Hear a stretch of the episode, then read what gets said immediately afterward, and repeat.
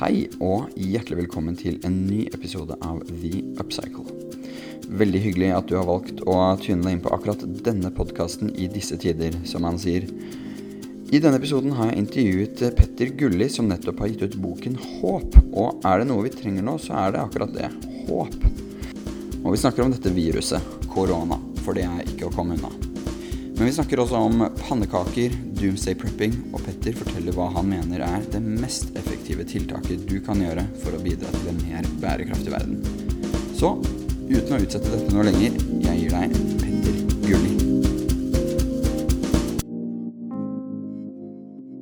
All right, da er vi live. Eh, Vi er live.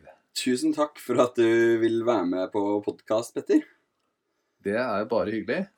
Og litt spennende og gøy. Ikke sant? Og du sitter på hytta og har hyttekontor, ikke sant? Det har jeg. Jeg sitter inne på min sønns soverom, eh, hvor det ligger en 19-åring og sover litt lenge. Jeg har måttet gjemme meg inne i et hjørne med mikrofonen på en haug med spill. Ja, det blir ikke mer norsk hytteinnspilling enn det, tror jeg. Nei. Og kona mi har møte på det andre soverommet på veggen bak meg her. Ja, Det er nice, men hytteforbudet er opphevet, og da er det, da er det fritt fram.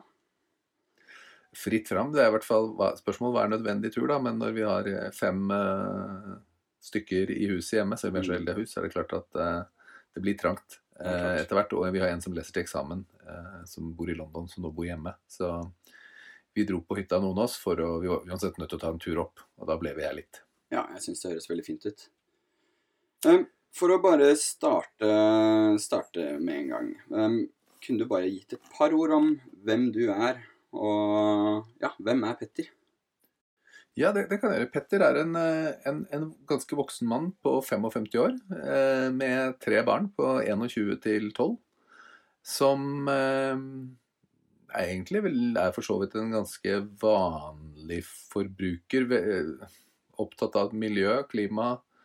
Har jobbet i reklamebransjen, eller det jeg kaller turboen på forbrukermaskineriet, i over 30 år. Eh, og men startet uh, og, og, og vært opptatt av bærekraft og klima ganske lenge. Så Ja, og Hva tok 2016 deg inn i det? på en måte? Fordi Jeg føler ikke nødvendigvis at uh, reklame og markedsføring går hånd i hånd med bærekraft. Det er klart det kan gjøre det, men det er ikke nødvendigvis. Nei, jeg kalte det jo turboen på forbrukermaskineriet med vilje. Uh, og det, det er det, det var vel egentlig da Al Gore kom en, en, en An Inconvenient Truth i 2006-2007, hvor den ble vekket litt sånn aktivisme. Jeg har egentlig vært opptatt av at som reklameperson så er du også kommunikatør. Altså Jeg har jobbet med masse forskjellige veldedige organisasjoner og, og, og, og, sånne ting gjennom alle år. Eh, så du driver ikke bare pusher produkter. Men jeg kjente jo på at eh, at det ble viktigere og viktigere å, å gjøre noe så bra. da. At vi Mm. ikke kan fortsette på den måten her. Og det startet nok rundt da 2007-2008, selv om det har ulmet der hele tiden. Og det var, mange vet jo ikke det. Det var en miljøbølge på slutten av 90-tallet også. Hvor mange begynte å legge inn emballasje i butikker, og folk ville ikke kjøpe sånne typer produkter. Og det var da vi fikk eh, all refill, og jeg husker vi fikk eh, jobben eh, stedet jeg jobbet, fikk vi maispenner. Som var kulepenner med sånn, som var ikke laget av plast, men mais. Og da, da sa de at det var så bra at man kunne spise de. Så det testa jeg, da. Jeg spiste en kulepenn. Altså det rundt. Og det Så det. kokte Altså. du den først, eller uh, var det med kniv og gaffel? Nei, jeg, jeg sånn? spiste den. Spiste den li, liten, jeg, spiste, jeg, spiste, jeg spiste litt av den hver dag. Ja. I to uker.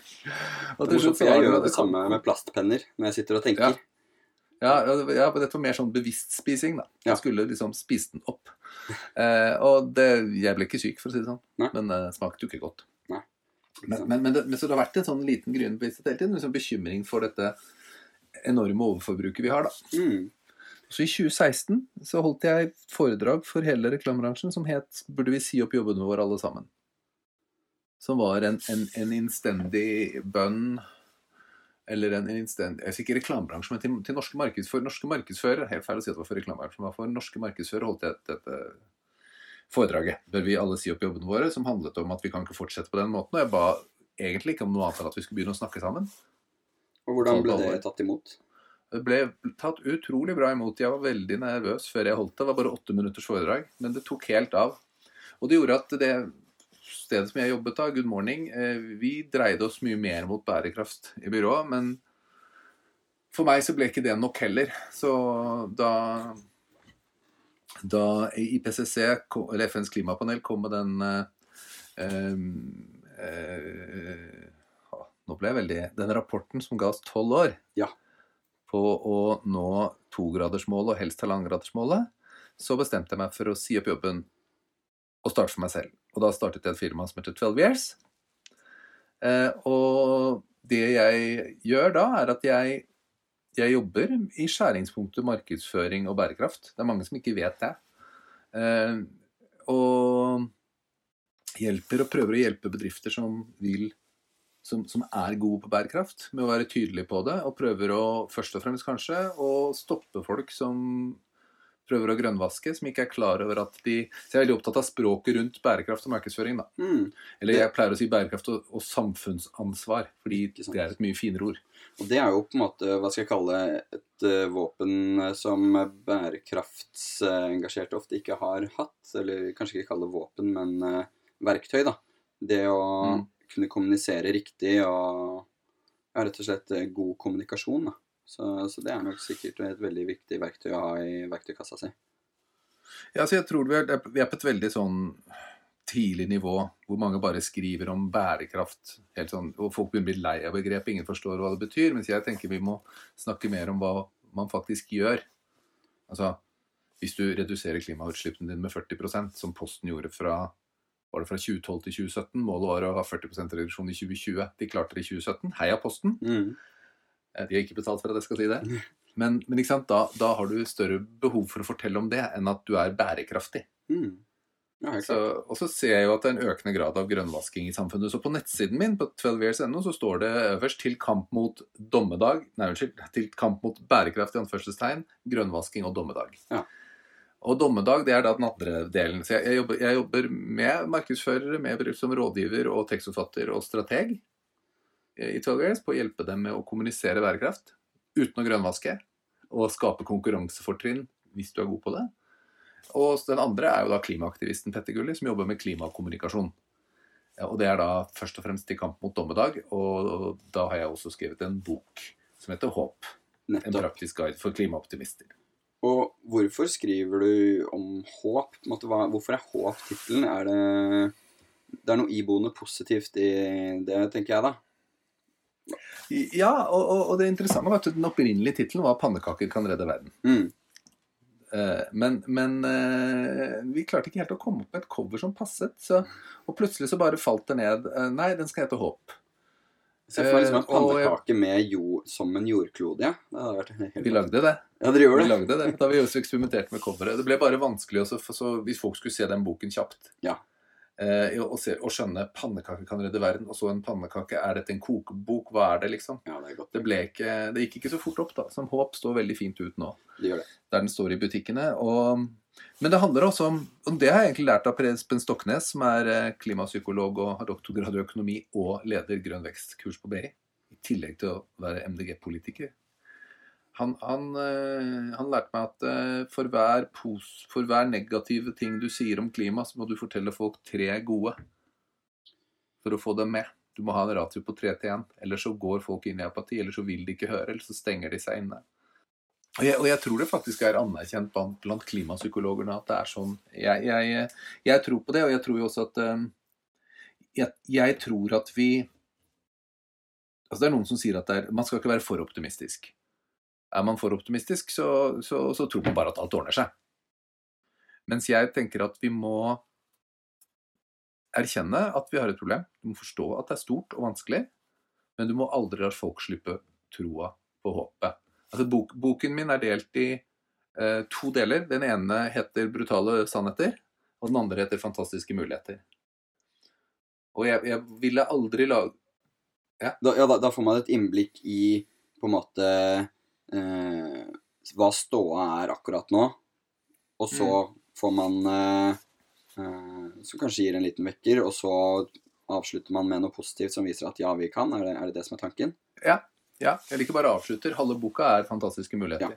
Og halve bak er brutale sannheter. Men, men jeg tror ikke du får folk med, og jeg tror ikke du får klart eh, å få folk eh, i eh, eh, tale hvis ikke de tror på at dette er et problem, og at de Jo. Boken er delt i de to fordi jeg ville ikke bare lage en selvhjelpsbok. Jeg tror at, eh, Og jeg tror ikke på at vi bare skal tro det går bra uten å forholde oss til utfordringene. Men jeg tror at hvis vi bare forteller folk at det blir ille, det går gærent Det kommer til å være mange som Og det kommer, det kommer til å gå gærent på mange plan, helt sikkert. Er vi, vi får masse konsekvenser av klima. Eh, har både, både, både utfordringer både, ja, både med klima og miljø. Og, og vi er nok en gang heldige da, her i Norge ikke sant, som har det såpass bra. Og, og bor her vi gjør faktisk i forhold til dette også. Det er ikke vi som blir hardest rammet. Men du, du, hvis du ikke gir folk håp om at det finnes en løsning, hvis du bare snakker vi må bare tilpasse oss det nye helvete, så tror jeg ikke på at folk orker å være med.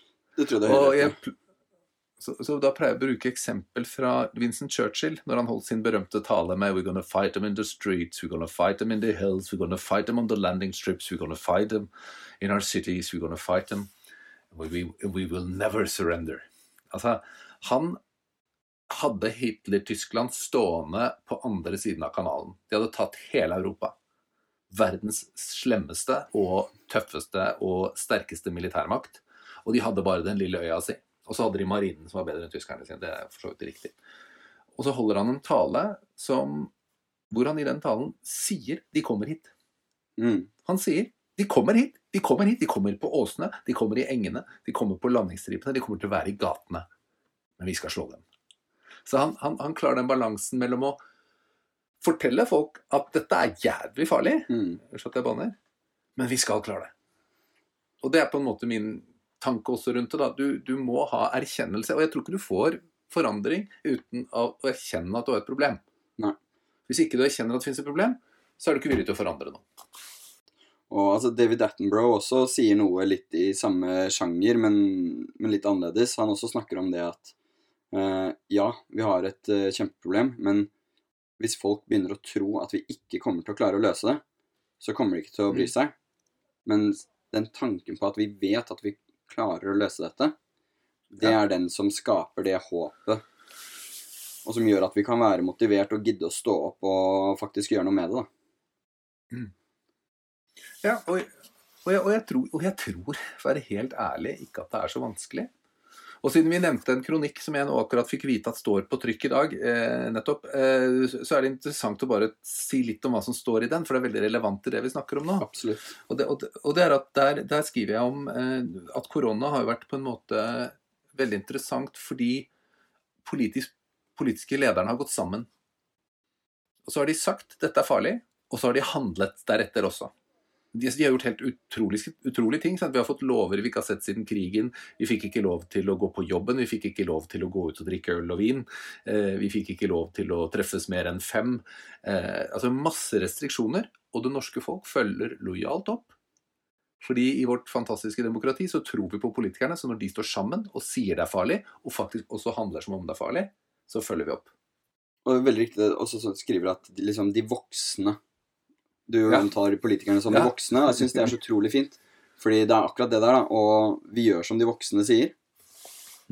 Gjør som de voksne sier. Jeg, jeg håper ikke vi strøk den i siste revisjon. Jeg håper ikke jeg. Jeg Men i boka så skriver jeg også om det. Da kaller jeg det de voksne. Og jeg, og jeg pleier når jeg holder foredrag om dette, jeg holder veldig mye kurs og foredrag også i, i 12 Years om klimakommunikasjon og om bærekraft for så vidt. Mm. Og da snakker jeg veldig mye om at vi trenger noen nye voksne. Så, så, men, men, men, det, det er, men det som er greia i den kronikken, er at jeg stiller spørsmål og sier vi må tørre oss å stille det ubehagelige spørsmålet om lederne i de største norske partiene ikke tror på at det er klimakrise. For hvis de hadde trodd det var klimakrise, så hadde de gått sammen, og så hadde de kommet med samme type meldinger til oss. Nå er det farlig, nå skal vi gjøre sånn, og alle vi står bak. Altså Problemet der er ikke det litt der at ja, det er et problem, og mange dør årlig av klimakrisen, si, eller av, av klimarelaterte Ja. problemer. Men det er ikke akkurat i år nødvendigvis, på en måte. Det er også Mens det, er, det kan være akkurat i år at den politikeren vil bli gjenvalgt. Og jeg føler på en måte at det ligger akkurat litt grann forbi horisonten, akkurat så langt forbi horisonten at de heller vil fokusere på det å bli gjenvalgt, f.eks., enn å faktisk kutte ned CO2-utslipp, f.eks. Jeg tror du har helt rett, og dette er jo det også som Stoknes snakker om når han snakker om barrierer. At en av de viktigste barrierene vi har, er avstand. ikke sant? Det Mm. er lang, langt fram i tid. Vi, treng, vi, er jo, vi er jo skrudd sammen sånn. Vi, vi tenker først og fremst på å liksom, ta det som er her og nå, og fikse det. Og, og, men, men, men modige og ansvarlige politikere hadde klart å løfte det hit. Jeg tror det er Og også sagt det er nå.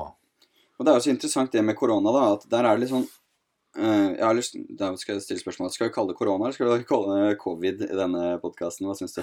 Vi kaller det korona. Vi kaller det korona. Ok, Så Ja, der er det jo litt sånn omvendt. Her er det jo de politikerne som har virkelig tatt grep, er de som antageligvis blir gjenvalgt også. Her ser man veldig hvilke politikere som var handle, handlekraftige, og hvilke som var suksessfulle. Og jeg tror at eh, de kommer til å bli respektert deretter. Og jeg håper at det kan bli sånn med miljøet da. At eh, de som viser seg handlekraftige, de som viser seg å ta grep, er de vi også kommer til å velge. Og vi har gjort det i Oslo. Vi har jo valgt eh, Miljøpartiet De Grønne inn. Det er, det, og, det, og, det er, jo det er så riktig det du sier. Og det er jo det som er de tingene som gir meg håp, da. Det er jo nettopp det at det går en grønn bølge over hele Europa. Over hele deler av verden, over Norge. Selv om det går langsomt. Og, jeg tenker at eh, ja, det er de store partiene som kommer til å kapitalisere på korona, fordi de har vært flinke og tydelige og tøffe. Eh, Men de må tørre å gjøre det samme på miljø. Det verste er at jeg tror egentlig de vil. Men jeg tror du har den utfordringen som du sier at ja, men folket vil ikke. Men husk da at rett før korona brakte løs, altså rett før jul, altså i november, 28. november, tror jeg det var, så kom det en rapport som fortalte at den viktigste politiske saken for det norske folk nå var klima. Og det er, og det, og det er en god nyhet. Det er en god nyhet. Absolutt. Eh, Men vi, vi snakket jo litt om, eh, om den kronikken som du da nettopp har fått eh, publisert i Dagbladet. Der, der snakker du jo litt om det er at, eh, Eller du roser det norske folk. Nå nå skal jeg ikke foregripe for mye, men altså, du, du roser det norske folk for å følge det de voksne, altså politikerne, sier. Mm. Og altså, Dette er kanskje et åpenbart spørsmål å stille, men er det Hva tror du vi kan overføre fra korona til eh, miljøkampen, hvis man skal kalle det? Er, det? er det noen prinsipper som vi kan overføre? Fordi det er jo tydelig at her, med dette viruset, så har vi jo klart veldig bra å følge hva politikerne sier. Kan vi gjøre det med viruset? Nei, med miljøet? Altså, klart vi kan, på en måte. Eh, skal jeg snakke om noe som heter 'vi kan' etterpå? Bare så det, vi husker det. Men, men, men, men, men jeg, jeg, jeg tror vi kan det. Men det kommer jo an på hvor politikerne er villige til å gjøre. fordi vi fikk jo en altså For det første så har det akkurat kommet noe som heter Klimakur. Klimakur? Som, ja, det var jo noe som regjeringen kom med, Klimakur. Som handler om hva vi trenger å gjøre. Eh, og så kommer det litt i skyggen. Men jeg tror at Altså Vi kan lære noe av det, men jeg tror politikerne er nødt til å lære noe av det først. Og hvis politikerne bruker denne gylne muligheten de nå har nå har de, nå, de, de har vist at de kan stå sammen. Og da har vi vist at vi kan høre på mamma og pappa. Som sier at dette er farlig. Eh, så hvis de hadde turt å gå mer sammen Jeg er litt sånn lei den der aksen Arbeiderpartiet versus eh, Høyre, som blir så forbasket eh, eh, forutsigbar. Eh, og så er det kanskje de politiske partiene som er mest enig. Hvis vi hadde fått en mye større tverrpolitisk Og det fins jo egentlig ikke sant, syn på at nå må vi gjøre dette. Fordi det, jeg, jeg tror, som du var litt inne på det tidligere, at man gjør det ikke fordi man skal til valg igjen. Men hvis vi bare hadde sagt at ja, men eh, det er fordi noen er redd for å ta den ballen, det. Altså Noen er redd for å ta den ballen, for da mister de velgere. Hvis alle tok den ballen, da. Kanskje han ikke ville visst eh, velgere noen, da. Hvis alle, alle tok den ballen som de har gjort på korona, og sa hei, la oss eh, ikke sant? Vi har ikke fått noe hytteparti fordi folk ikke fikk dra på hytta. Og det er jo altså, det er, det er mer rart. absurd å ikke få lov til å dra på sin egen hytte enn å måtte betale i en bompengering, mener jeg. Jeg mener, det er- mye rarere og mye særere. Nei, du får ikke dra på hytta di. Ja, det Hvorfor det? Du skal ikke beliste, belaste den kommunen du er i. Ja, men jeg skal være på hytta. Hvis jeg blir forkjøla, skal jeg kjøre hjem. Nei, det kan du ikke. Ingen som starta hytteparti. Selv om alle satt hjemme. Jeg, det- var langt flere som sa det er det mest ko-ko vi har hørt om. Alle var med på det. Bompenger? Pang! Jeg syns det er så sprøtt at det også gikk. At, at faktisk de klarte å skape et hytteforbud i et land hvor alle som har hytte, har hytta som en plan for å Altså, hvis det brenner på dass, så drar man på hytta. Det er hele planen. Hvis det kommer zombier eller hva det skal være, så drar du på hytta. Og så brenner det på dass, og så får du ikke dra til hytta. Det er er helt dumpster sprøtt. prepper akkurat som meg. Eh, Men, men, men jeg er klart at eh, det, det, det, som er, det som er interessant med det, det er at jeg hørte når vi snakket litt om hytter, da, jeg snak, hørte en forsker på radioen, det hørte kanskje du også, han var på noe denne uken her, som sa at eh, vi, vi kan ikke kalle det hytter. Eh, Du kan ikke kalle dem hyttefolk. Unnskyld. En ting er at man, hytter ofte er større og moderne enn hus ofte. Eh, Iallfall noen. Men, men han sa vi kan ikke lenger kalle det hytter. Det er hyttefolk fordi dette er folk som har dette som andre, andre bolig. Og eh, kommunene som nå får kommuneskatt, og som tar dem imot og nå ikke har den nødvendige beredskapen når det er mange der, de må begynne å se på disse menneskene som deltidsinnbyggere. Og det er en helt annen filosofi. Jeg tror også det. Veldig spennende. Altså, foreldrene mine er pensjonister, og Ja. de bor halve året på hytta. på en måte. Og de har lagt opp livet sitt etter det. Da, så så jeg, jeg, jeg, må innrømme at jeg syns litt synd på de akkurat under dette her. Og, og jeg var også veldig stolt over at de var så flinke til å følge etter òg. Og gjøre Jo, men sånn vi, som igjen da, de ble bedt. og- akkurat det du sa der, viktig, ikke sant? De var så flinke til å gjøre det de ble bedt om. Vi lever i et demokrati som er et av de beste i verden. Du trenger ikke like folk ut på ytterste høyre. Eh, Du trenger ikke like folk ut på ytterste venstre. Eller være enig med dem i hvert fall, men jeg tror stort sett så er dette ålreite folk. Langt ut i Frp og langt ut i Rødt. Det er gode, ålreite folk som har andre holdninger enn deg, men stort sett er norske politikere bra mennesker alle sammen. Og det, og det gjør at når de bestemmer seg for noe sammen, da, så tenker vi ja, men da er det vel sånn. Da må det vel være sånn. Da, da, da tror jeg på det. Vi har satt disse som den referansen du brukt flere ganger, jeg bruker den ofte selv, som jeg sa, at eh, vi har satt disse voksne til å bestemme over oss. Vi har valgt dem til å gjøre det. Og vi forventer faktisk også, og det er det aller morsomste, ikke sant, vi forventer jo at de gjør jobben sin. Vi forventer at de bestemmer og sier sånn må det være. Det er derfor vi har stemt på dem. Ikke for at de skal vike unna og, ja, tja, og krangle og diskutere. Vi er helt uinteresserte. Vi vil høre hva, hva som er riktig. Og da tenker jeg det er verdens største mulighet til å si, folkens, nå er klimaproblemet så stort. Nå blir det sånn, og det blir sånn, og det blir sånn. Og vi kommer til å kanskje tjene litt mindre, vi kommer til å bygge ut litt mindre her og der, vi kommer til å måtte gjøre sånn, men vi skal ikke mer enn 20 år tilbake, og da hadde vi kjempebra velstand i Norge uansett. Men det kommer til å bli dyrere å forurense, Mm. og billigere å gjøre det motsatte. Altså, det er da så mulig. Åh. Og det er, det er jo litt dit jeg vil, da, og det, det er sikkert ikke så vanskelig å forstå, at på en måte, nå ser vi jo en del endringer som gagner miljøet pga. denne krisen. da, Pga. korona og pga. Eh, ikke bare viruset, men pga. tiltakene. Vi ser eh, luftkvaliteten har forbedret seg i mange av eh, verdens store byer. Eh, spesielt da pga. Mm. nedgang i transport, og også ser vi nedgang i forbruk. Eh, og så når jeg snakker med venner om dette her, så, så er det liksom Er vi veldig delt på det, for da er det Tror du at Tror du ikke at bare alle kommer til å kjøre på med forbruk etter dette her?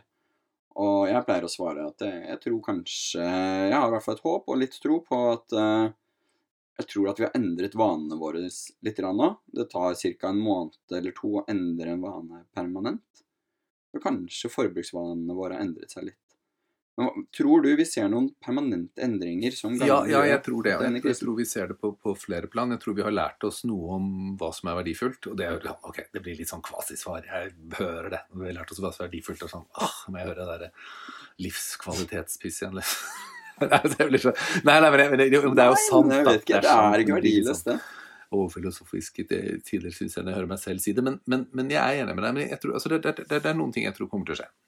Én ting som er helt sikker, og det var, litt sånn absurd eh, To uker før korona smalt i Norge, så, eh, ledet jeg eh, Modererte jeg et panel Mm. på noe som heter Future of Travel. Som Business for Peace eh, gjorde. Eh, og der hadde vi bærekraftsjefen i Norwegian. Vi hadde Astrid fra eh, Virke, som er leder reiseliv der. Og, og eh, en fra Møller Mobility Group. Nå skal jeg huske, ut- jeg husket navnene deres fullt ut, men jeg gjør det ikke i farten. Men spennende panel diskuterte fly og reise i et klimaperspektiv, i et bærekraftsperspektiv. Også bærekraftsperspektiv.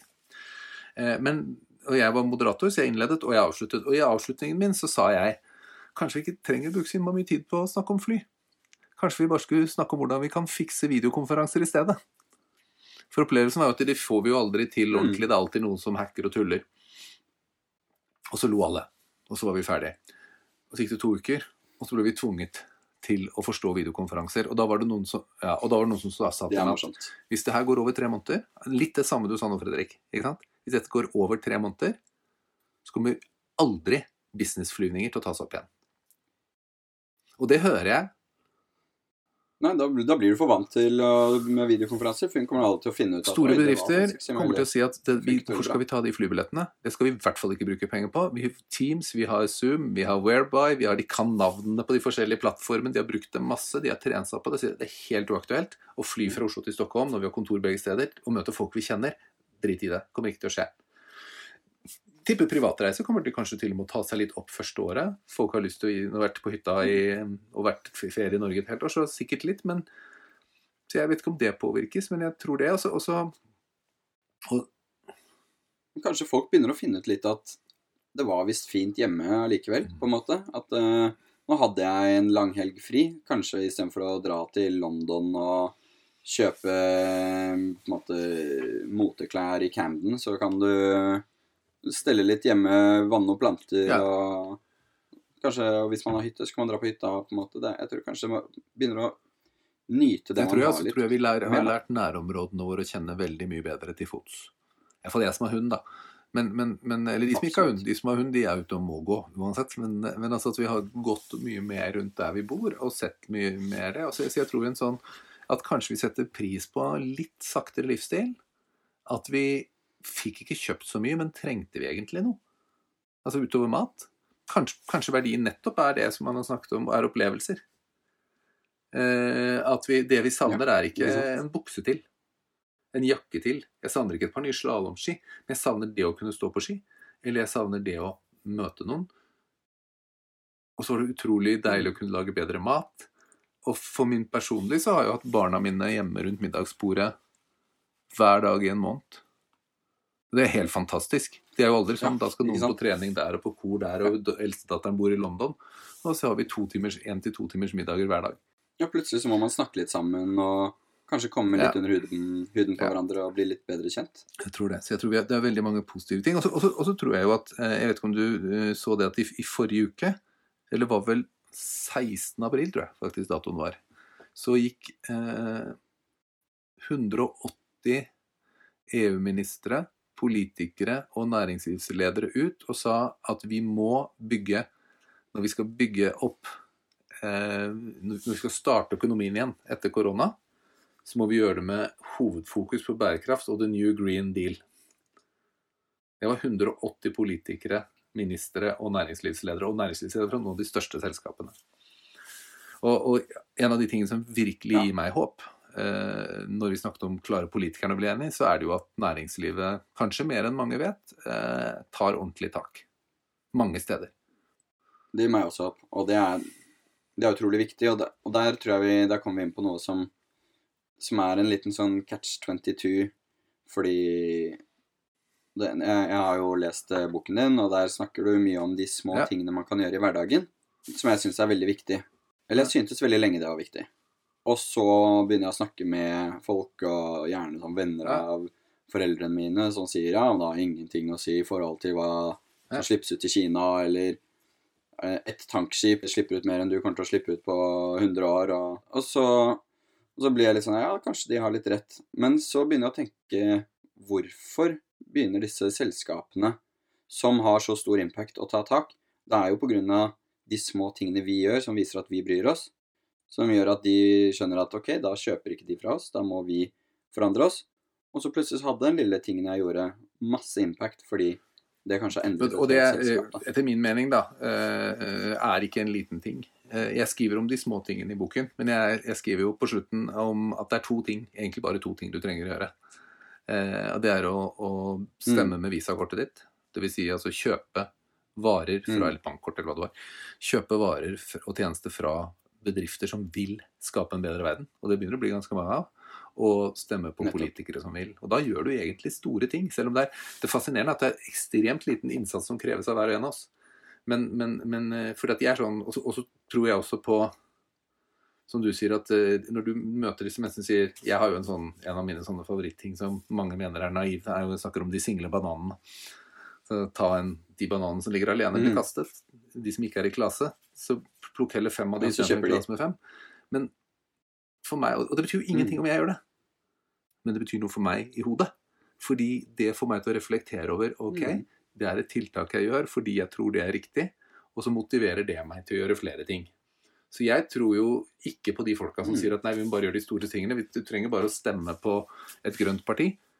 Jeg tror folk stemmer mer likely til å stemme på et grønt parti når de har begynt å gjøre en del ting selv, og de begynner å bli lei av politikerne som ikke gjør noe. Men jeg, men jeg tror at, igjen, det å prøve å bruke eh, støtte bedrifter som gjør noe bra, som tar samfunnsansvar og som vil være med å forandre verden, det, det kan få- føre til systemisk endring, og det kan det også stemme.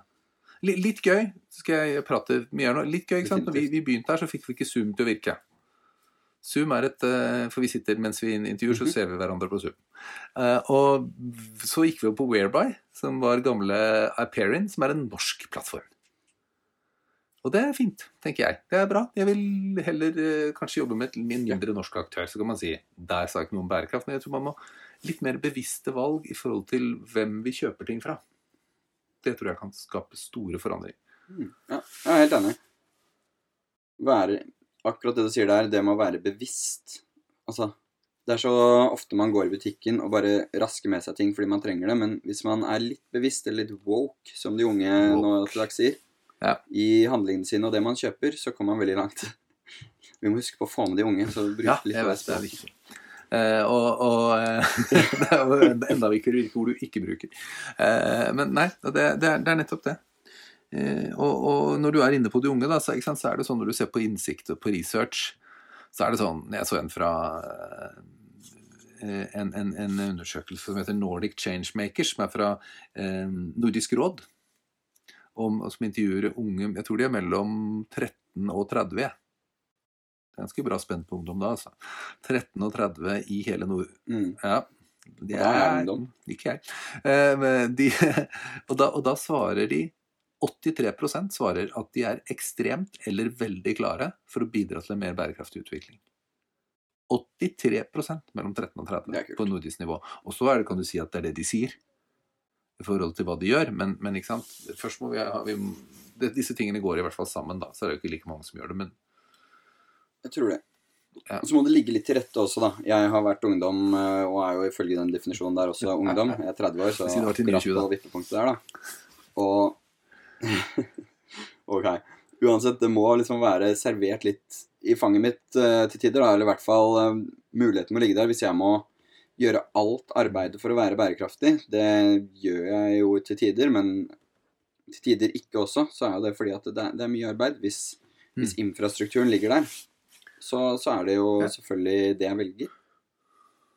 Så hvis, hvis jeg har en eh, grønn og en blå pose og papirinnsamling, på en måte, så kommer jeg til å sortere. Ja, og jeg, og jeg tror at det er mange som sier at så blir folk for, liksom fornøyd fordi de sorterer søpla si, så er de ferdig med det. Jeg tror ikke det fungerer sånn. Jeg, tror, jeg elsker jo de blå og grønne posene, for jeg tror de skaper for det første skaper de økt bevissthet. Kaster jeg så mye mat, da? betyr det samme som Mm. kaster jeg så mye penger? Kaster vi så mye plast? Det er jævlig mye Mm. Hva faen, det er så mye plast overalt. Du blir jo stressa av det. Så jeg tror det er en Jeg som er opptatt av kommunikasjon, da. Jeg, mener, jeg har alltid ment at de grønne og de blå posene er verdens beste kommunikasjonsbærere for det grønne skiftet. Og så tenker jeg når folk blir flinkere selv Ja. på det, så blir de irritert over at det ikke skjer mer på systemisk nivå. Ja, det tror jeg òg. Men en ting eh, jeg, jeg vil gjerne hoppe litt tilbake i tid, holdt jeg på å si, men kun i podkasten, og det er ja. tilbake til pannekaker. Ja. Og jeg har jo lest boka di, og jeg er selvfølgelig veldig skuffet over at det ikke er noen oppskrifter på pannekaker i boka, fordi det er liksom en av de tingene jeg er veldig dårlig på å lage. Men Ja. du har en teori om Ja. pannekaker. Pannekaketeori. Ja. Kan du forklare med dine ord, for det er du som har skrevet den, hva pannekaketeorien går ut på? Det skal jeg gjøre. Eh, Jeg skal gjøre det veldig eh, Jeg skal gjøre det via to historier. Det ene er at jeg var på et foredrag eh, på noe som het Klimakaroke en gang. Veldig morsomt. Veldig morsomt tema. Nå er jeg spent. og som selvsagt hadde jeg da ikke fått med meg helt når det starta, så jeg kom en time for seint. Det gjorde ikke noe, for jeg skulle holde foredrag en time etter det igjen. Men jeg bare fikk ikke med meg de første foredragsholderne. Eh, Jeg kom inn da Even Nord fra eh, min venn Even Nord Rydningen, fader til Klimabrølet, sto veldig intenst på scenen. Jeg tenkte hva i hule heiteste er det her? Men eh, ja. Det, var, det er en annen historie. Jeg ble jo med. Eh, men, men, men, så setter jeg meg ned foran der hvor talerne skulle sitte, og så, og så, blir det en pause etter en stund, og så sitter det en dame ved siden av meg, så jeg spør henne Hei, jeg regner med du har snakket? Har du det? Ja, ja, ja jeg snakket i sted. Å, jeg sa, hva var det du snakket om, da? sa sa jeg til henne, så sa hun eh, jeg snakket om at jeg bor alene på en båt eh, og klarer meg med nesten ingenting. Og, og, hvor fint det er. Og så spurte hun meg men hva skal du snakke om? Og uten at jeg klarte å stoppe ordene som kom ut av munnen min, da, så svarte jeg hvorfor folk som deg er livsfarlige. Og Ja, og så begynte jeg å ro som en villmann. ikke sant? Alt jeg kunne andre veien, for dette var jo helt grusomt. Jeg tenkte at uh, hva er det jeg har sagt for noe? Men jeg mente jo egentlig litt. Og det er det pannekaketeorien handler om, egentlig. At det må ikke være så innmari strengt. Må ikke, vi må ikke gjøre det så vanskelig for folk å være med. Det trenger ikke være så vanskelig å leve et grønt liv som kanskje miljøbevegelsen, og da snakker jeg tidligere enn i dag, har vært litt for flinke til å komme. Det som er motstand mot MDG, tror jeg, det som gjør at folk holder en der sånn ja, Men det blir, noen, det blir bare en kjip fort fremtid. Det blir ikke noe gøy. Og så står vegetarianerne og sier å jo, det er så godt med vegetarmat, og linser og tofu er kjempegøy. Folk veit jo ikke hvor de skal de, de, så, Og masse mat som inneholder navn som ikke vet hvordan de skal klare å spørre om i butikken engang, selv om det skjer ting. Er du gæren, det skjer ting, og det er kjempefint. Men, men, men, hvorfor skulle det være så komplisert? Jeg fikk en gang for noen år siden en, fant jeg en meny på Twitter fra en svensk bistandsorganisasjon, eller en miljøorganisasjon, som var det var liksom hvordan du skulle spise et mest mulig klimavennlig liv. og det, det var mm. bare det, det, det, var bare mat ikke jeg enkelt var det? Og som krevde at du lagde noe. Jeg, og, og, og, når jeg så den menyen, så mm. pleier jeg å si når jeg holder foredrag om det, så pleier jeg å si at eh, den, den menyen den var helt fin for et par på 30 år som ikke hadde barn. Begge jobbet 60% var veganere og bodde på et småbruk.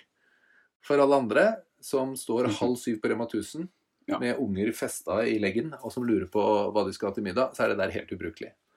Og da var det jeg kom på, og dette var et langt svar på det du spurte om, mm. da var det jeg skjønte at det var jo ingen som sa at vi skulle bli veganere. Det var ingen som sa at vi alle måtte bli vegetarianere. Vi skulle spise mindre kjøtt. Det var planen. Det er, det, er det klimafolka sier. Vi må få ned klimautslippet. Så kan det være andre grunner for veganen å bli vegetarianer, som jeg støtter for så vidt. Men, men, men så trodde de at pannekaker er kjøttfri mat. Det er ikke noe kjøtt i pannekaker, i hvert fall ikke i Norge. Eh, og jeg har en datter på tolv. Hun kan få fire kjøttfrie måltider i uka, og da er det bare hennes fire favorittretter. Tomatsuppe med tomatsuppe makaroni, ja, fiskegrasheng. Og jeg mener ikke at fisk er kjøtt. Min eldste datter mener det, da, for hun er veggis. Eh, og, eh, og, pannekaker mm. og risengrynsgrøt. Ikke spesielt sunt, kanskje, men vi kan en haug med mat det er en annen diskusjon. og så tenker, jeg tenker at Hvis vi hadde, hadde latt folk, hvis, hvis alle de store dagligvarekjedene da, og vi snakker om politikerne skulle gått sammen, hadde gått sammen og laget en kampanje som sa Folkens, her er tolv retter som alle kan. Dere lærte på skolekjøkkenet. Du lærte av moren din, og du lærte av farmoren din. Nå spiser vi det mm. alle sammen i to uker. Bare ting du kan. Om to uker og så skal vi ha fem kjøttfrie dager i uka. Vi skal ha ti kjøttfrie uh, av 14 dager. Og så vi er ferdig med det, og alle kjenner på mestringsfølelsen. Dette var ikke så vanskelig, dette gikk jo fint. Så kommer vi med den første kjøtterstatningen. Og da veit jeg hva vi tar. Da tar vi taco. ikke sant? Da bytter vi bare ut tacokjøttet med sånn veganerdeig. Jeg pleier å si at altså, det smaker bare tacokrydder. Du kunne, du kunne bytta det ut med sagflis. Det smaker bare tacokrydder. Altså. Ja. ja det, det, jeg pleier å bruke bønner jeg moser sammen bønner med tacokrydder og litt eh, løk og hvitløk. Ja. Og jeg tror gjerne bønner kan funke bedre enn vegetardeig, for det er ikke alltid du trenger en erstatning for kjøttdeig. Men, men, men, se på hamburgerne som har kommet nå. da, Beyond Burger, Rebel-burgeren til Burger King. Altså, igjen Det er pannekakturi. Gjør det enkelt og tilgjengelig for folk. Nei, også, for, ja, Det er det du sier. Og så starte enkelt, og så jobbe oppover. ikke sant? Og, og så, ja. Det handler litt om mestringsfølelsen. Folk som føler seg flinke, de blir motivert. Folk som føler seg dårlig, de blir demotivert. Og jeg pleier alltid å si, Når jeg snakker om klimakommunikasjon generelt, så sier jeg vi er nødt til å gå fra klimakommunikasjon til klimamotivasjon. For klima, klimakommunikasjon er ofte skremmende, den er ofte komplisert. Og da blir den demotiverende.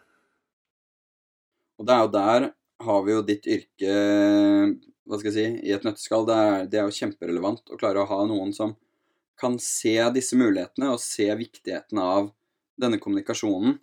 Og klare å gjøre den slik Ja da, folk jeg- flest forstår det. Fordi Og at folk flest kan stille seg bak og identifisere seg med det. Det er 80 koronapermittert. Ja, jeg lever av å snakke om dette her, holde foredrag om dette her. Og det er jo ingen som kan holde foredrag og kursen nå, så hallo, hvis det er noen der ute som trenger råd, er her. Det var dagens lille reklameinnslag. Nei, men, men, men du, ville, du Ja. ville si noe, du ville snakke om hamburgere, du. Rebelburger og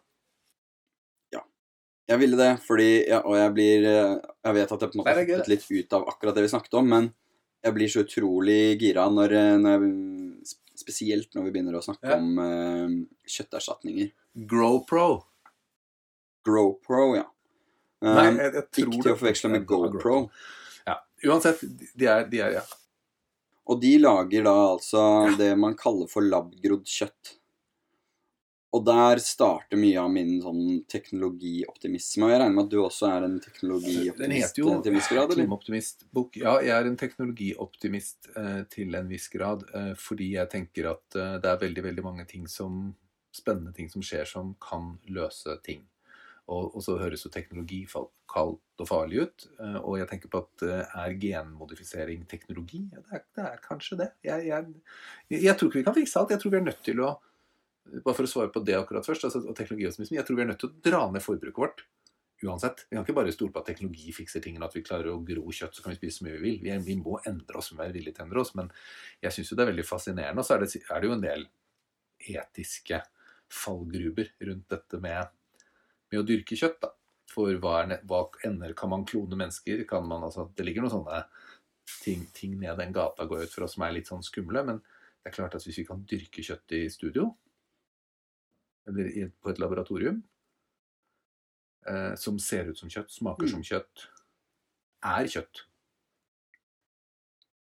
Ok, så er det noen som jeg sa Det er ganske det er, Det, det gir, Ja, det gir store muligheter. Og, gir store muligheter, da. så, så kan man spørre seg om det er å klusse med naturen, da. Kanskje. Ja, man kan det. Og KFC prøvde seg på noe lignende, husker jeg, for Jeg husker ikke hvor mange år siden, det men det er Ja. ganske mange år siden. Kanskje 10-15 år siden. Hvor de genmodifiserte kylling til å være noen små klumper. Som eh, rett og slett bare kjøttklumper som levde, men som ikke var bevisste, da, etter det de mente. Og nå har jeg ikke noe Eh, nå har jeg ikke noen kilde å vise til akkurat her, men jeg kan bare si at det, kilden min er at jeg leste det på Sånn som nettet. jeg skrev bok, da.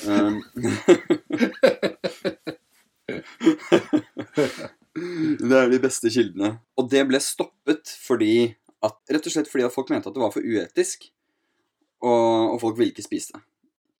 Jeg hadde gjerne spist det hvis eh, på en måte I hvert fall heller det enn en kylling som jeg vet at bodde, har bodd i et bur med tusen andre kyllinger og har hatt det helt forferdelig.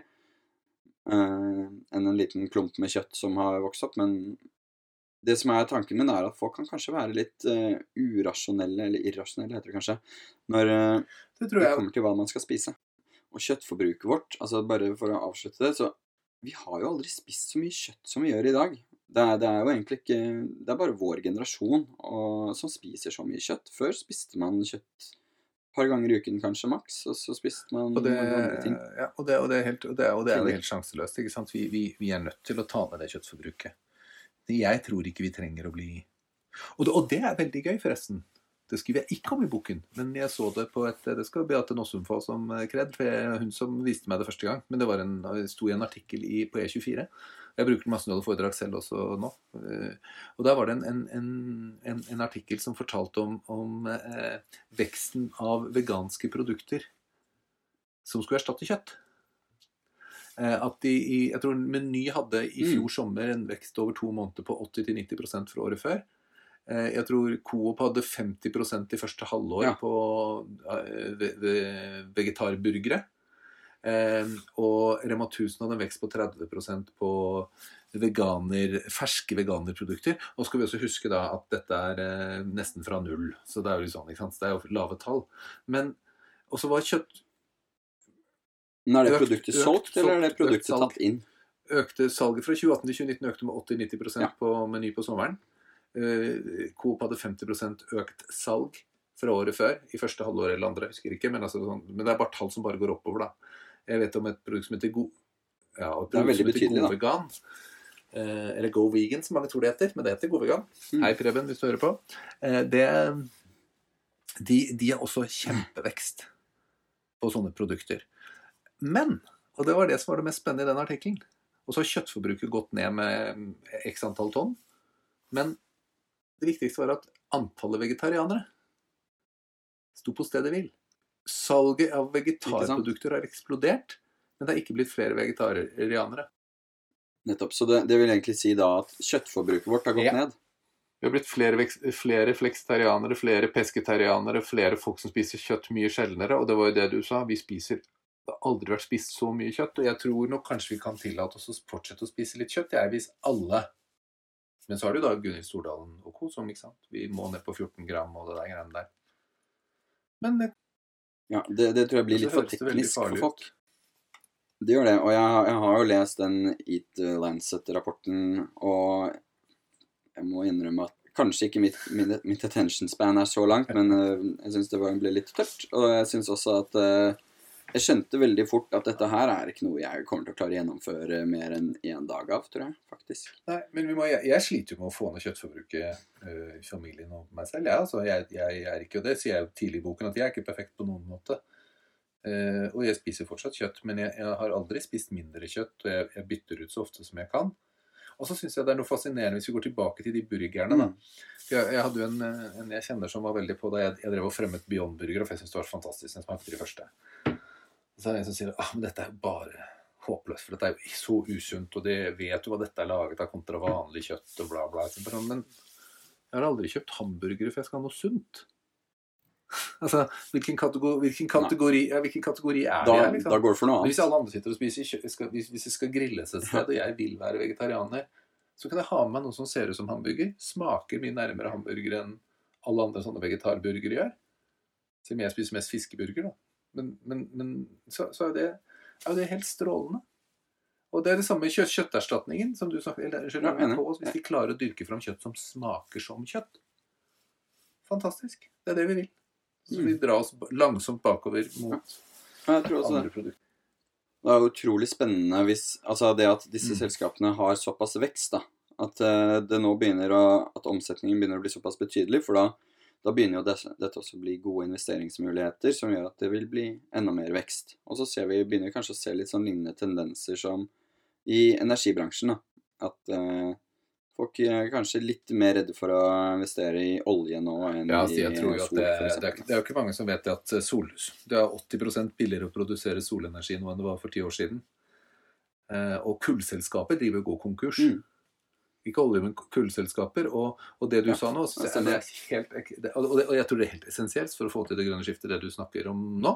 Og det er at finansbransjen og investorene har fått opp øynene. Og de ser at, eh, når de ser at wow, se hvordan det vokser i disse nye kjøtterstatningene. Se hvordan det vokser på en eh, på, på, på, på solenergi, på vindenergi, på, eller på, på fornybar. da.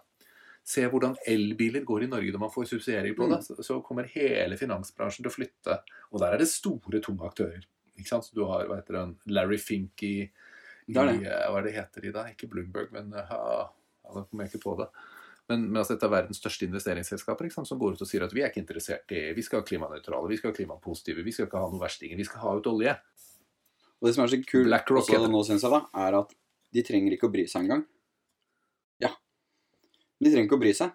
Det, de kan bare se på tallene sine og så bare Ja, det her er faktisk minst risikabelt og, og høy eh, high yield, så hvorfor ikke bare gå for uh, fornybar, på en måte? Det, Ja, Og så, og så tror jeg er det faktisk at det sitter også folk på toppen av disse selskapene her som er såpass fornuftige og såpass uh, oppleste og kloke at de veit at, vi så- at vi har gått for langt i feil retning. Jeg tror ikke de bare ser på tallene sine. Jeg tror de ser at Eller jo, jeg tror de ser på tallene sine kombinert med risiko, da. Klimarisiko. Og det er også et interessant begrep. ikke sant? For det har vært masse opp i det siste. Jeg skriver, jeg skriver ingenting om det i boken. Det er teknisk, Ja. for, teknisk kanskje for folk flest, men vi har klimarisiko begynner å bli ganske viktig i, ganske mange budsjett- og utregningsmodeller for investeringer. Definitivt. Det, altså, det er jo noe av det jeg studerte, faktisk. Og det mange selskaper opplever, er jo det at hvis Mm. de er eh, veldig CO2-intensive i dag, så kan det bli en kjempekostnad i morgen når det begynner å komme policies på f.eks. å kjøpe klimakvoter eller eh, Mm. eh, skatt på, på utslipp. da. Så, så da har du plutselig en kjemperisiko. det er noen som heter uh, Rethinking Economics, som sier litt sånn som deg nå. Altså, Jeg kaller det Robin, Robin Hood-skatten. Eh, altså karbonskatt til fordeling, eh, heter det. Eh, det har jeg lyst til å snakke litt om nå, det, det, selv om vi har holdt på fryktelig lenge. Det er at det er jo da MDG har foreslått i Norge, og jeg tror kanskje bare ikke man har klart å få folk til å forstå hva det er. For jeg tenker at det er en av de mest geniale verktøyene vi kan ha ja, for å få med oss folk på, på det grønne skiftet. Det består egentlig, og, og, og de, I Canada så har de testet det. I British Columbia har de testet det. Og det fungerte så bra at, at økonomien økte med 16 Og nå har de gjennomført det hele ja, og nå, Det var i British Columbia, en provins i Canada. Og nå har de innført det i hele landet. Så hva er dette? Vel, eh, ja, det kalles KAF. Karbonskatt til fordeling. på. Jeg kaller Robin Hood-skatten. Mens eh, Miljøpartiet De Grønne med flere kaller Ja. det for karbonbelønning. Nå skal jeg prøve å forklare det kjemperaskt. Det går på følgende at vi setter høy pris på alt som har høye CO2-utslipp. Så flyreiser blir dyrere. Det å kjøre bil med fossil blir dyrere. Det å fyre med olje blir dyrere. Altså alle ting som har høye klimautslipp, blir, får en skatt. Men den skatten, den skal ikke inn i statskassa. Skal, for Formålet med den skatten er ikke å få inn penger, det er å dempe et forbruk. Så de pengene gir man da tilbake til folket. Sånn at når, og, og det betyr at vi alle sammen, alle, alle borgere i Norge, får da en, en sum penger på slutten av året. Litt som når du er med i en sånn bonusklubb, du kjøper bensinkort, og så får du liksom 20 øre per liter, og så får du penger igjen på slutten av året. Men her, men, men, men her er det da den akkumulerte, den samlede summen som blir betalt inn, som blir fordelt helt likt mellom alle nordmenn. Så det betyr at de som bruker lite, små familier kjører lite bil, eh, de som ikke flyr masse til utlandet, de betaler mindre av den skatten, og får sannsynligvis mer igjen enn det betalt inn. Ja. Mens de som forurenser mye, og flyr f.eks. ofte, de får en såpass høy skatt at de ikke får like mye penger som de har brukt inn på slutten. Så det virker fordelende også. De som har god råd, Mm. eller de som har et høyt forbruk, de straffes, og pengene fordeles likt. Og det vil da de tjene på, som er mest miljøvennlige. Så fins det noen sånne eh, ting i dette her som man må diskutere distriktsmessig. ikke sant? Du kunne sagt at jo, men da lønner det seg elbil. Men de er dyre. Hvis du er en familie, så er det en stor familie, så må du kanskje ha en bil til. Bor du et sted hvor det er dårlig kollektivtilbud, så, så blir man straffet. Så da får man se hvordan man løser det innenfor kvoter og ordninger på det. Da. Men jeg, jeg synes det er et utrolig spennende og enkelt system. Mm, Høy, høy skatt. absolutt. Hvorfor, går ikke, men, men hvorfor kan ikke pengene gå til grønne prosjekter og fornybare prosjekter eh, direkte? Eh, For, det kunne det sikkert gjort, men da blir det en avgift til staten. Her er poenget bare å stimulere og gi folk penger tilbake, Ja. sånn at du får faktisk en belønning for å leve grønt, og en straff for ikke å gjøre det. Ja. Den. Ja. Veldig enkelt insentiv. Ja da, og, og vi har andre beskatninger som bompenger og sånt, noe som tar inn, tar inn de pengene vi trenger til grønne eh, Det kan vi gjøre på andre måter. Dette er en motivasjons, jeg skjønner en motivasjonsskatt for å få folk til å endre forbruk. Det lønner seg. Mm. Hvor mye penger blir det snakk om da? På slutten av hvor nå, mye sitter med- Nå snakker vi med noen i Rethinking Economics, eh, som, eller Per Espen Stoknes og andre som har skrevet, mange som har skrevet om dette her, som kan det. Dette har de regnet på, det er sikkert store summer. Ja. Jeg, det, jeg vet ikke det. Ja. Det har jeg ikke, det burde jeg visst. Men det Det, gjør jeg det, det skal jeg finne ut av. Det, det er spennende å vite hvor, hvor mye sitter jeg igjen med. Nei, så jeg tror vi skal dra det her litt videre, og jeg har jo et spørsmål som jeg lurer veldig på, og jeg tror kanskje jeg vet svaret allerede, men hva, hva er ditt eh, beste eller favoritt-miljøtips til en som har lyst til En sånn som deg selv, som er en relativt vanlig person? Bruk huet når du kjøper varer og tjenester. Kjøp og kjøp mindre. Eller, ja, eller Det er så mange, da, vet du. Når jeg har skrevet en hel bok, og, og så er det sånn Jeg har jo en, røpet konklusjonen, men, men det er en, en, en ting jeg har lyst til å si. Eh, og det som jeg tror kanskje er Og det er lett å være enig i, og det er lett å være med på. Og det er å si at du skal kjøpe Du skal bruke mer penger på ting. Jeg vet det provoserer noen når jeg sier det. Du skal bruke mer penger på ting. Eh, mitt favorittips er eh, jeg, har jo, jeg, har jo, sagt mye om det, og sagt kanskje det viktigste er å, hvordan vi handler og kjøper varer og tjenester. Og, og mitt favorittips handler om det. Eh, jeg vil at folk skal bruke mer penger på ting. Mer penger på ting. Det høres kanskje litt absurd ut, men det jeg mener med det, er at vi skal Ja, mer penger på ting. Mer penger på de tingene du kjøper, men kjøpe færre ting. Ok. Altså, sagt på en annen måte, det er ikke alltid vi, som også min, min venn kirurgen og jeg snakket om, eh, vi bør ikke alltid snakke om klima og miljø, vi kan snakke om noe som folk er opptatt av, og det er kvalitet. At ting skal vare lenge. Ja. Jeg tror vi nødt til å børste støv av kvalitetsbegrepet ordentlig og lære oss å bli glad i det. Jeg, jeg, jeg, kom over en setning her som jeg burde hatt med i boken, men jeg kom på den etter at boken var ferdig. og Det var at eh, det er først, først, de tingene vi har eid ordentlig lenge, vi blir skikkelig glad i. Det er så sant. Altså, hvis du får spørsmål har du noen ting du er spesielt glad i, så er ikke det noe du fant i en butikk i går. Det er noe du har eid en stund. Nesten alltid. Og jeg tror hvis vi kjøper ting som varer, som er designet for å vare, som er, hvis det gjelder mote og klær eller møbler, at det er designet såpass tidløst at det kan vare lenge. At det ikke går av moten neste år. Så tror jeg vi kommer kjempe Ja, Det er jeg så utrolig enig i. I dag så er det forventet at ting går i stykker i løpet av et par, par år. Og det er ikke vanskelig. Det er ikke vanskelig for folk å være med på i det hele tatt. Så jeg pleier å, jeg blande, Sammen med den så pleier jeg å legge på så må vi ikke gå i salgsfella. Ikke løpe og kjøpe ting på salg, for da senker vi garden vår. Og så tenker vi at ja, ja, det er ikke så farlig. Så jeg, jeg kjøper to av den. Det gjør ikke noe. Det er så billig likevel. Altså, Billig er ikke billig. Billig er nesten alltid mye dyrere, for du kjøper noe som du egentlig ikke trenger, og som du egentlig ikke bruker, som blir hengende i skapet eller liggende i skuffen. Så kjøpe skikkelige ting som varer lenge, det tror jeg er det beste klima- og miljø- og bærekraftstipset jeg kan gi til noen. Og selvsagt at det kan sirkuleres. Og gå inn i et sirkulært kretsløp til slutt. Det er jo et livstips generelt. Da slipper man å ha et hus som eh, bygger seg opp av skrot og ræl. Det, det, tror jeg alle kan være tjent med. Det er lettere å rydde når du eier færre ting. Og jeg, jeg, er jo Ja, ikke sant? Og det, det, jeg har jo også et favorittips fra, fra boka di. Det er morsommere å høre andres. Ja, hva er ditt, da? Det er litt likt. Forbi alt som er dust. ja, det er sant. Det er, ikke, ikke det, det, var veldig fint. På den, da, for da, vi, da, begynner vi jo på nytt. Men det er sant, da. Ja. ja. Så forby trippel emballasje, ja. forby blå skoposer, forby sånn unødvendige ting som er eh, miljøuvennlig. Det, det syns jeg er ja, veldig fint. Og det er ikke vanskelig å forby det, for jeg tror folk, der er jo folk stort sett kjempeenig. Nei, men jeg tror hvis vi gjør det. Altså, hvis vi stemmer på grønne politikere, stemmer med visakortet vårt og bare kjøper ting som er laget av kvalitet, og forbyr ting som er dust, så tror jeg faktisk vi kan redde verden, ass. Seriøst. Ja, det tror jeg òg. Ja, seriøst. Serr. Serr. Yes. Da, da, da, tror jeg faktisk at ja. vi skal avslutte der. Nå har det blitt en lang og fin prat. Og Jeg må innrømme at jeg har blitt uh, mer opplyst og satt veldig pris på praten. Så tusen takk for at uh, du ville komme og prate med meg. Eller komme, altså Vi har jo vært forskjellige steder i landet, men uh, klarte å prate over nettet. Det var veldig hyggelig og veldig, veldig fint. Jeg trengte denne praten nå, kjenner jeg.